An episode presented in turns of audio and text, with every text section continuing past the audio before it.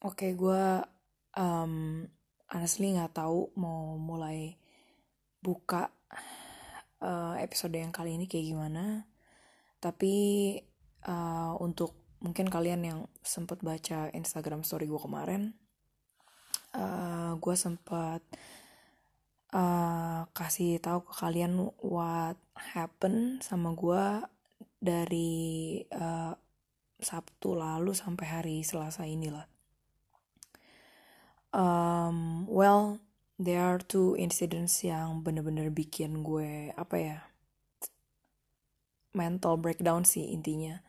Uh, triggered so many uh, pain dan ya yeah, I guess gue bakal share aja sih ke kalian gitu loh.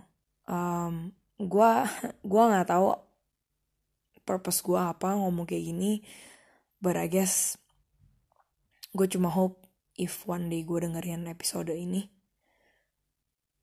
um,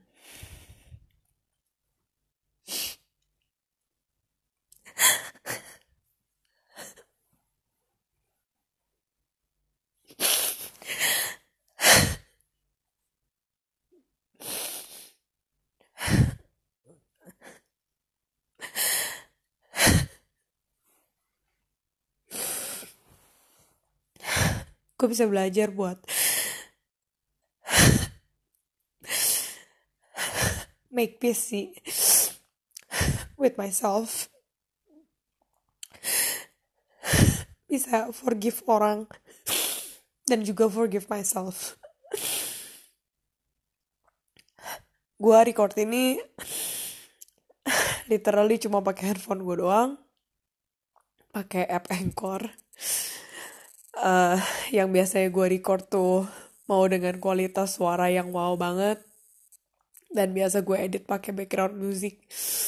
I don't think gue have the energy to do that. So yeah. um, jadi uh, gue kan tinggal di Munich. Terus um, gue pas lagi minggu lalu ada event nari gitu lumayan gede. Namanya Rock That Swing Festival. Itu diadain dari hari Kamis sampai hari Senin kemarin baru selesai. Terus um, gue mulai datang ke acaranya tuh hari Jumat malam sampai hari Senin. Jadi gue ada beberapa kelas uh, eh, gue juga ikutan compete dan ya yeah, the good part is gue menang compete juara tiga. Uh, but then uh, the reality of what happened selama beberapa hari itu um, ya gue nggak bisa sih put myself ke fake positivity lagi gitu. To remind myself oh lu menang compete and bla bla bla. I mean I'm happy but gue juga overwhelmed with the incidents that happen on the weekend. So uh, pertama itu jadi waktu lagi hari Minggu jam 2 pagian, eh jam hampir jam 3 pagi, gue sama suami gue pulang arah balik uh, buat ke rumah kan, uh, pakai public transport gitu. Gue uh, pakai metro eh pakai train maksud gue sorry. Gue pakai train terus uh, pas lagi di tangga gue jalan ke bawah dan di depan kita tuh ada satu grup gitu. Uh, tiga orang. Jadi dua cowok maybe umurnya 40-an something sama satu cewek umurnya I guess maybe almost 40 atau 30ish lah. Um, dan uh, pas lagi kita akhirnya makin deketan gitu kan kita kan uh, posisinya berpapasan kan. Gue oh my god I just wanna kill the bitch. Um, gue denger tuh cewek ngomong lumayan kenceng ngomong coronavirus.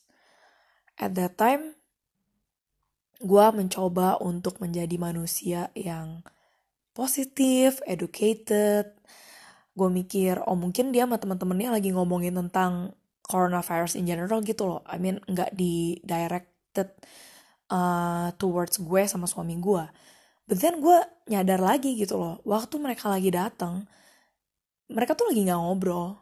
So well of course it it was targeted towards us gitu. Dan gue tuh udah bilang gitu berkali-kali ke orang-orang terdekat gue gitu uh, gue literally had enough with this fucking bullshit racism dari selama gue nyampe di luar negeri itu udah parah. Not even di luar negeri lah gue di negara gue sendiri aja gue dicina-cinain kan? Jadi pas gue lagi di Australia ya ada beberapa cuma nggak seintens yang atau nggak seintens dan nggak sefrequent yang gue rasain uh, saat gue akhirnya tinggal di uh, Seville gitu waktu gue tinggal di Spain. Dan itu udah gue ceritain semua di salah satu episode podcast gue lah. I forgot what apa ya what episode gitu lu cek aja sendiri. But gue udah told everything about it di um, episode-episode sebelumnya. Dan kali ini di Jerman I know it uh, apa ya I know situationnya itu nggak separah di Seville gitu. Tapi it still feel hurt and gue tuh still need time to really trust apa ya trust humanity sih in general trust that there's still goodness in people trust that setiap kali gue keluar orang nggak bakalan um, look me down just because of my look gitu. Tapi this coronavirus thing happen. And of course itu trigger gue jadi keingetan yang kejadian di Seville. Short story, balik lagi ke kejadian coronavirus. Gue udah janji sama diri gue sendiri gue bakal speak up sama orang kayak gini. Dan akhirnya gue langsung take nafas, gue mikir oke, okay, this is the time gue langsung nengok ke belakang terus gue langsung teriak kenceng banget like gue bener-bener gak pernah teriak sekencang itu gue gak pernah swear separah itu di depan umum. Uh, gue tuh ngomong bener-bener like I I was screaming from the top of my lungs. Gue even gue tuh felt like gue kayak soul gue tuh keluar gitu loh dari badan gue saking kayak gue tuh overwhelmed of emotion gitu dan iya gue teriak lah kayak fuck you! Like gue bener-bener uh, oh my god kayak gue teriak kencang banget. Gue bilang lu tuh fucking racist lu tuh idiot lu tuh bakal die from coronavirus. You will see like you will die from coronavirus. Like gue tuh beneran repeat it over and over again. Dan tuh cewek tuh uh, kayak reply back gitu loh ke gue tapi saking kencengnya gue teriak gue tuh sampai udah nggak bisa denger lagi dia ngomong apa gitu loh dan juga at that time uh, teman cowoknya dia kan ada dua orang. Satu teman cowoknya itu langsung kayak drag dia ngebawa dia further away gitu loh dari kita. Dan satu temennya lagi uh, yang lebih dekat arahnya ke gue itu langsung kaget dan uh, ngomong sorry gitu loh. Uh, sorry sorry udah kayak uh, apa uh, don't don't don't need to apa think about it gitu loh intinya kayak gitu. Tapi gue tetap teriak parah banget. Dan tuh cewek tuh uh, senyum ke gue pas dia udah makin jauh dan dia uh, kayak kasih uh, apa body language kiss bye gitu loh ke gue can you imagine how fucked up is that? Can you imagine? Kayak beneran loh at that time it happen ya. Gue pas gue ngeliat tuh cewek kiss bye gitu ke gue gila gue almost lose my shit banget. To the point di mana gue tuh rasanya pengen lari ke dia. Terus gue jambak abis tuh gue jedotin palanya ke tiang lampu merah. Kayak that violent you know and ah. Gila gue kayak perlu nafas bentar. Itu I don't know I lose my words sih. Iya pas dia kasih gue kiss bayi itu gue teriak makin kencang lah akhirnya. Terus akhirnya udahan dia makin jauh. And sisanya gue gak bisa ceritain. Uh, Tapi the aftermath of that gue really questioning myself all over again tentang speaking up. Dan gue pas speaking up itu gue feel really really apa ya nggak good kayak good happy gitu. Tapi gue feel relieved aja kayak gue tuh kayak ada beban 2 ton di badan gue terus tiba-tiba keangkat gitu after teriak itu. Walaupun gue tahu it's very uneducated gitu kan dari luar kelihatannya. At the same time ya gue juga feel ashamed karena gue feel so uneducated gitu loh kayak gue tuh nggak pernah teriak-teriak kayak gitu but at that time gue mau apa gitu I didn't have any choice dan gue tahu kayak maksudnya gue sekarang realize tuh cewek tuh kayaknya pas lagi jalan itu uh, sebenarnya agak intoxicated maksudnya uh, kayaknya under alcohol influence gitu. But who give a shit? Kayak gue tuh udah experience so many times di mana people tuh did so many random stupid uh, apa ya racist comment ke gue tapi dia lagi drunk nah jadi lu mikirnya kan oh udahlah dia lagi drunk dia lagi nggak sadar oh udahlah dia lagi drunk jangan diket, dideketin ntar lu dia papain oh udahlah kita yang lebih educated jadi udah diemin aja But sampai kapan? Ya gak sih? Dan bukannya tuh orang yang lagi drunk itu malah beneran kayak show who they are ya pas lagi mereka kayak bener-bener loosen it up. Gue gila sih. Well, aftermath of that, gue really thinking a lot about speaking up. Dan gue came to the point di mana gue capek banget. kayak apa ya gue capek banget of being a minority everywhere I go. Even gue balik ke negara gue sendiri pun gue bakal dicina-cinain. Gue capek banget being a woman di mana kalau itu happen misalnya tuh yang teriakin gue coronavirus tuh cowok pasti pasti pasti banget gue bakal dapat komen dari orang yang gue nggak tahu siapa lah. Maybe after listening to this podcast yang bakal ngomong gila lu nggak mikir apa lu? Safety lu tuh gimana? Kayak kalau cowok pukul lu gimana? Right? It's just because I'm a woman right? Gue capek banget. Gue capek banget di mana most of people yang gak gitu tahu gue yang cuma tahu gue di social media tuh liatnya hidup gue enak banget tinggal di Eropa ya kan? Tinggal di luar negeri. Kerjaan gue enggak uh, apa ya kerjaan gue tuh nggak terlalu biasa dan has more dynamics. Um, gue nari gue nulis gue bikin podcast kayaknya tuh kreatif banget. But then, do you know that this kind of shit yang happen itu really affects how I work gitu. Karena gue tuh work itu dari digging my own story.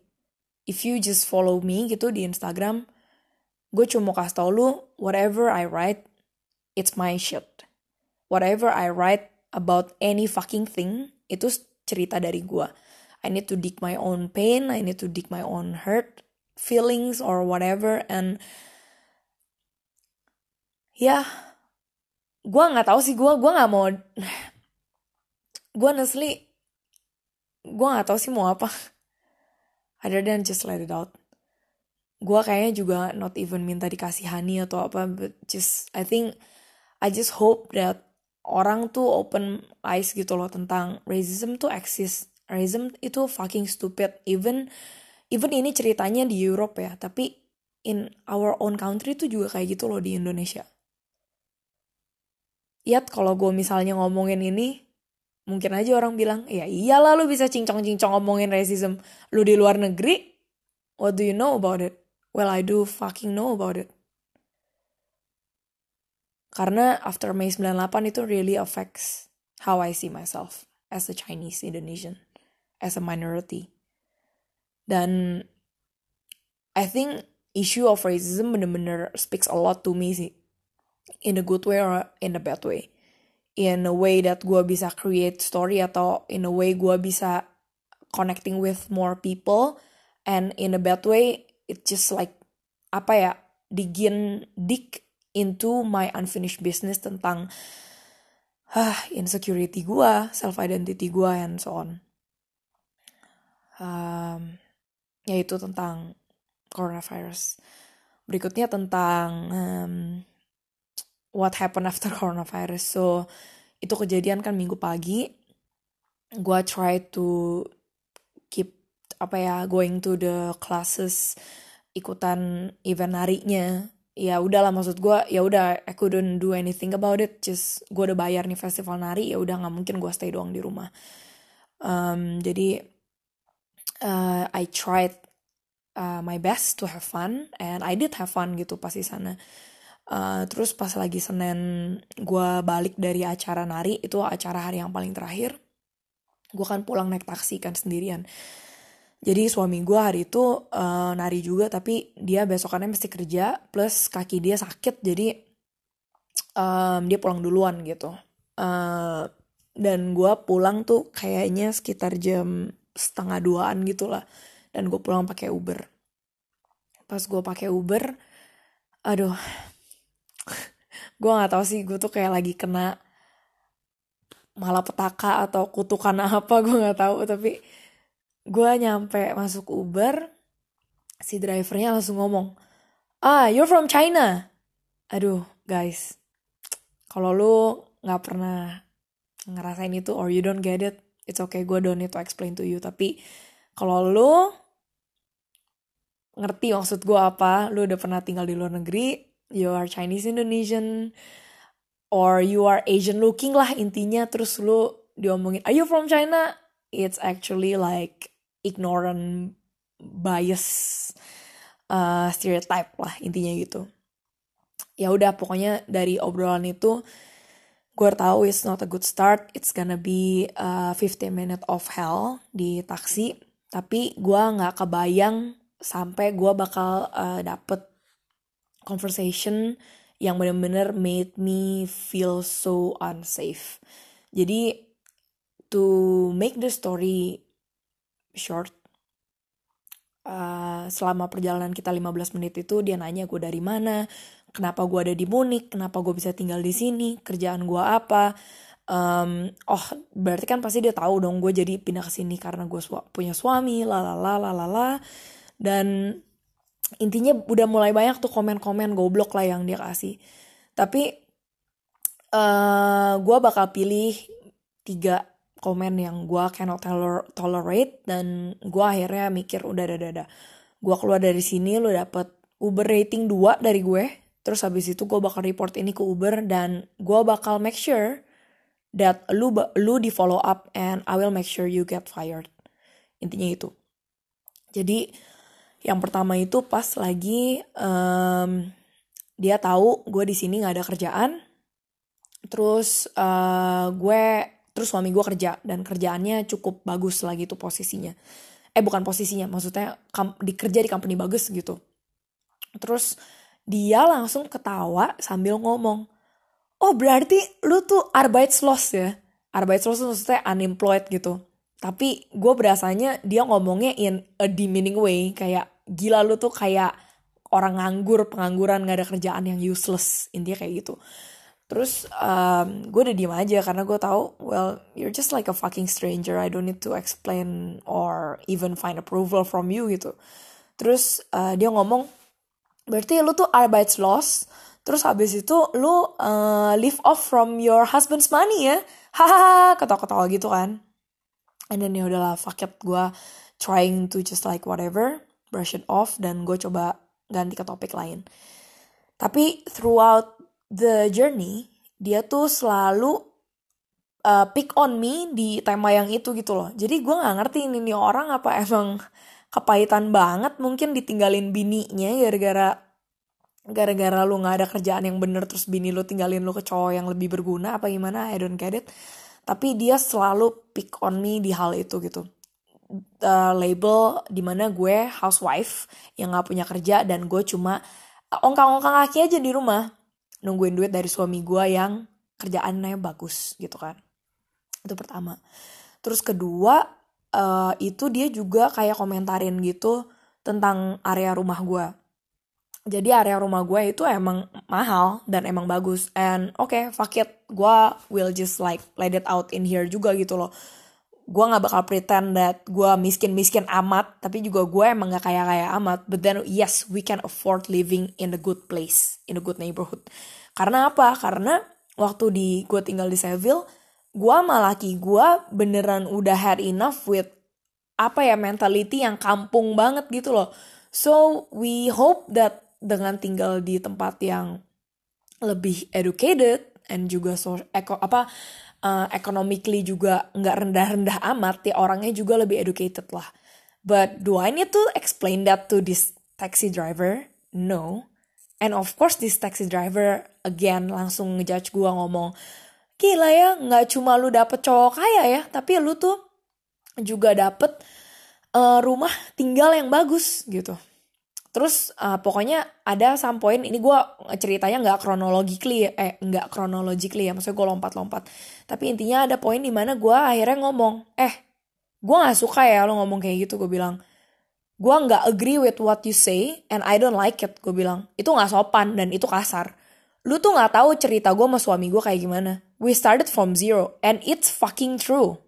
Gue nggak cuma tell it to your to the taxi driver, gue juga tell it ke lo orang yang nggak tahu gue gitu loh. Yang lu orang cuma liatnya di sosial media gue langsung kayak oh gila enak banget ya. Kayak uh, dia nggak usah pusingin kerja terus uh, suaminya udah bisa hidupin dia travel nari ke sana sini.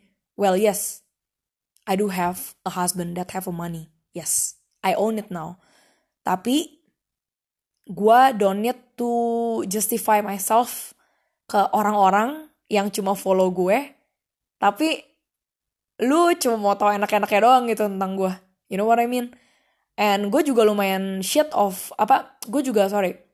Gue juga lumayan tired of this shit gitu loh of this assumption tentang hidup orang dari social media gitu. Dan ya in this case nih Uber driver cuma bisa lihat gue dari luar doang kan. Dan uh, akhirnya ya udah gue udah sick banget of it Terus after gue bilang kayak gitu, after gue bilang, eh kita tuh udah started dari zero ya, bla bla bla.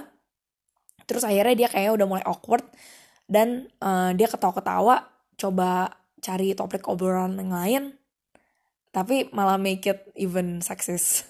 Dia ngomong kayak gini, oh iya iya iya, tapi lu jagain rumah yang bener kan? I mean kayak a good housewife yang take care take care of the house gitu loh. Dia kayak langsung nanya, uh, can you cook?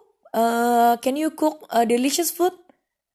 Aduh gue kayak man it doesn't even doesn't even make me feel better gitu loh. Tai banget ya sih? Gue kayak ah man. Terus kalau lo orang nggak ngerti maksudnya apa ya basically cuma mikir ya udah lu kalau udah dihidupin sama suami lu at least lu berguna lah di rumah bisa masak. Ibarat kata kasar gitu kan ya udahlah gue jawab seadanya bla bla bla. Terus abis itu um, dia tak jadi mulai nanya oh do you have kids? Terus ya gue jawab aja no gitu kan. Which is true gue nggak punya kids. Terus gue bilang tapi gue punya anjing sama kucing. Terus lu tau dia ngomong apa? Oh cat good. Cat is good.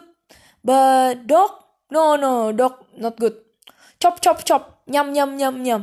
Anjing nggak? Gue kayak gila gue momen itu sih gue kayak mikir ini orang tuh sakit. Gila orang tuh sakit loh sumpah kadang-kadang. Dan gue tuh lu tau kan kadang-kadang kalau lu udah kayak hidup lu tuh udah ketimpa sial sial sial sial lagi lu cuma bisa ketawa. Kayak lu tinggal nunggu iya lu mau ngapain gue lagi? Lu mau kayak fingering gue lu mau perkosa gue di dalam mobil eh silahkan dah. Gue gue tuh udah capek banget literally kayak after dealing with this apa sorry after dealing with that coronavirus the day before gue masih mencoba untuk mencerna what's going on. And then now this gitu. Gue kayak mau mau lu udah mau apain gue di mobil gue udah males banget. Dan yang paling parah itu pas uh, dia tahu gitu gue uh, nari. Uh, maksudnya eh sorry dia tahu gue tuh uh, bekas ngajar nari terus um, dia langsung bilang gini oh dance what type of dance? Striptease striptease? Yeah yeah good good. Dan maksudnya ini tuh kayak apa ya gue kayak what the fuck banget gitu loh.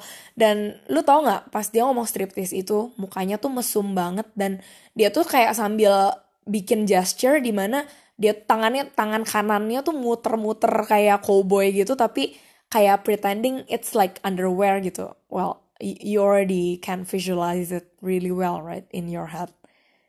And imagine gue tuh sebelah dia dan gue sendirian. Kayak ya udah sih itu aja ceritanya. Gue gue udah gak tau mau nambahin apa lagi tapi gue bener-bener dari kemarin gue feel ya shit lah. Gue udah gak, gue nggak tahu mau ngapain lagi. Gue juga try hard untuk nggak kabur dari emosi shit ini karena gue tau gue harus cerna itu gitu loh. And that's why gue decided untuk share apa adanya. Kalau orang waktu itu di Instagram story kemarin dan I decided to ya yeah, make this podcast. Karena karena apa ya? Ya karena again sih gue believe gue create why I create what I created gue podcasting gue nulis itu mainly beneran as bullshit as it sounds. Bukan buat kalian sih. Bukan buat kalian likes it. Bukan buat kalian reposted itu buat my own peacefulness. Karena there are so many times gue feel so lonely. Uh, gue feel so tired of being misunderstood dari speaking up. Dan gue cuma bisa find my own sanity dari nulis sih dan dari ngomong kayak gini and just being honest. Gue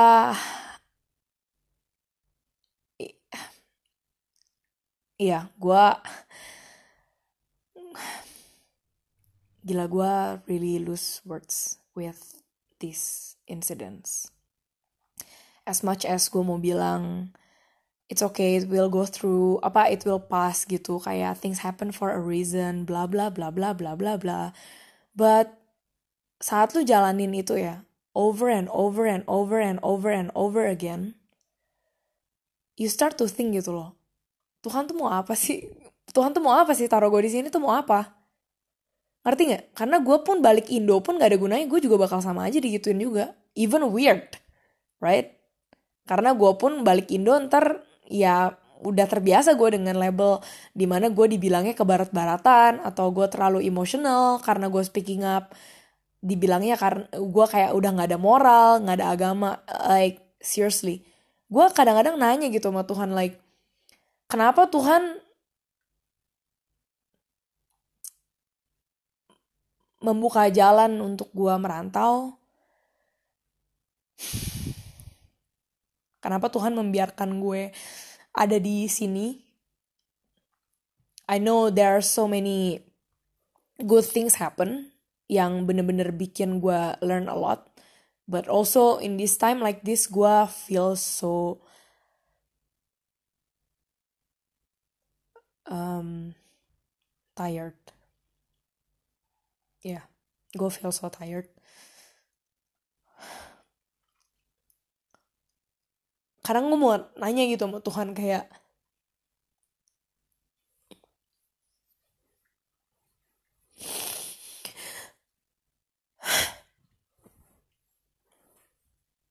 kenapa gue dikasih passion di writing gitu kenapa gue dikasih passion di mana? Gue gue try so hard to shut up. Gue try so hard untuk nggak rock the boat. Gue try so hard untuk just stay in status quo. But I can't. It's just not who I am. Dan gue mau tanya gitu sama Tuhan gitu loh. Ini tuh ujungnya ke mana? Buat apa dan buat siapa gitu. Gue tuh really wish gitu ya kayak gue tuh terlahir jadi orang yang pengecut nggak confrontational yang kalau ada apa-apa gue diem aja yang kalau ada apa-apa gue langsung bisa switch gitu ke mikir positif gitu. Gue tuh pengen punya mainstream job aja gitu yang ya udah gue uh, nggak usah kerja di hal yang always apa ya new like content creating that people don't fucking get it right?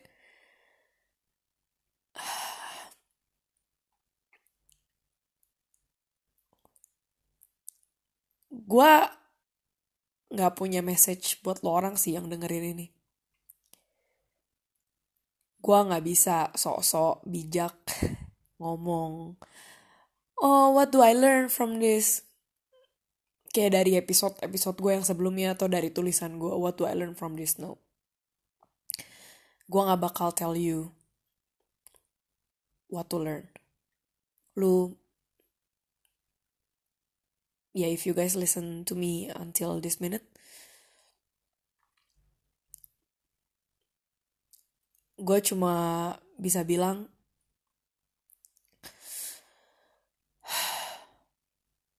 I hope one day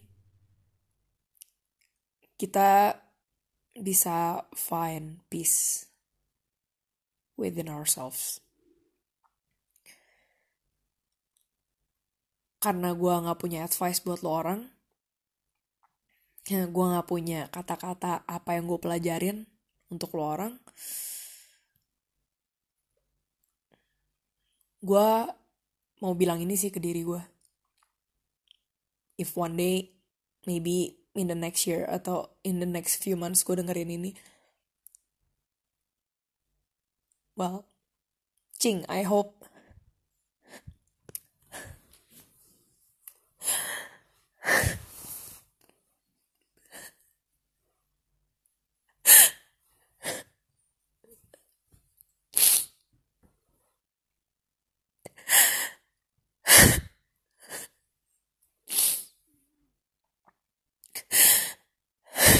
I hope you get out from this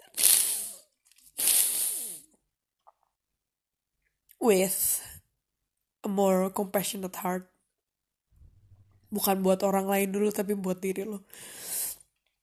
I hope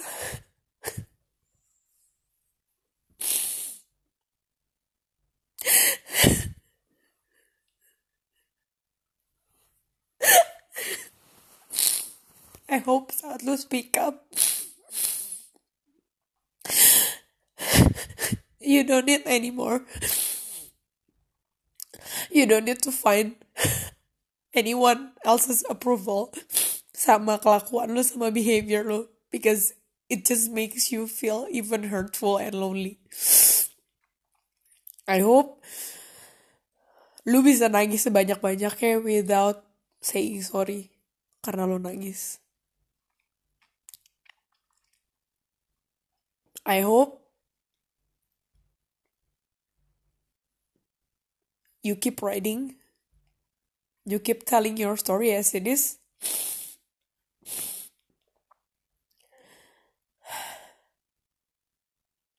You keep doing what you're doing, even though you don't know. Tuhan ujungnya maunya gue ngapain.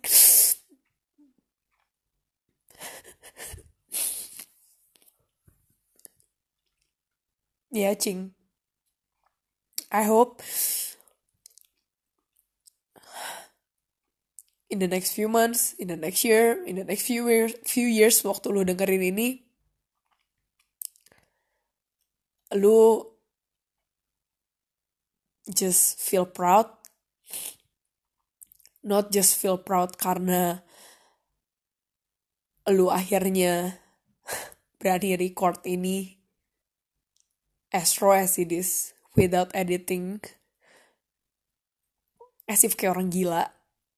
Tapi lu proud that finally you can be the one who comfort yourself.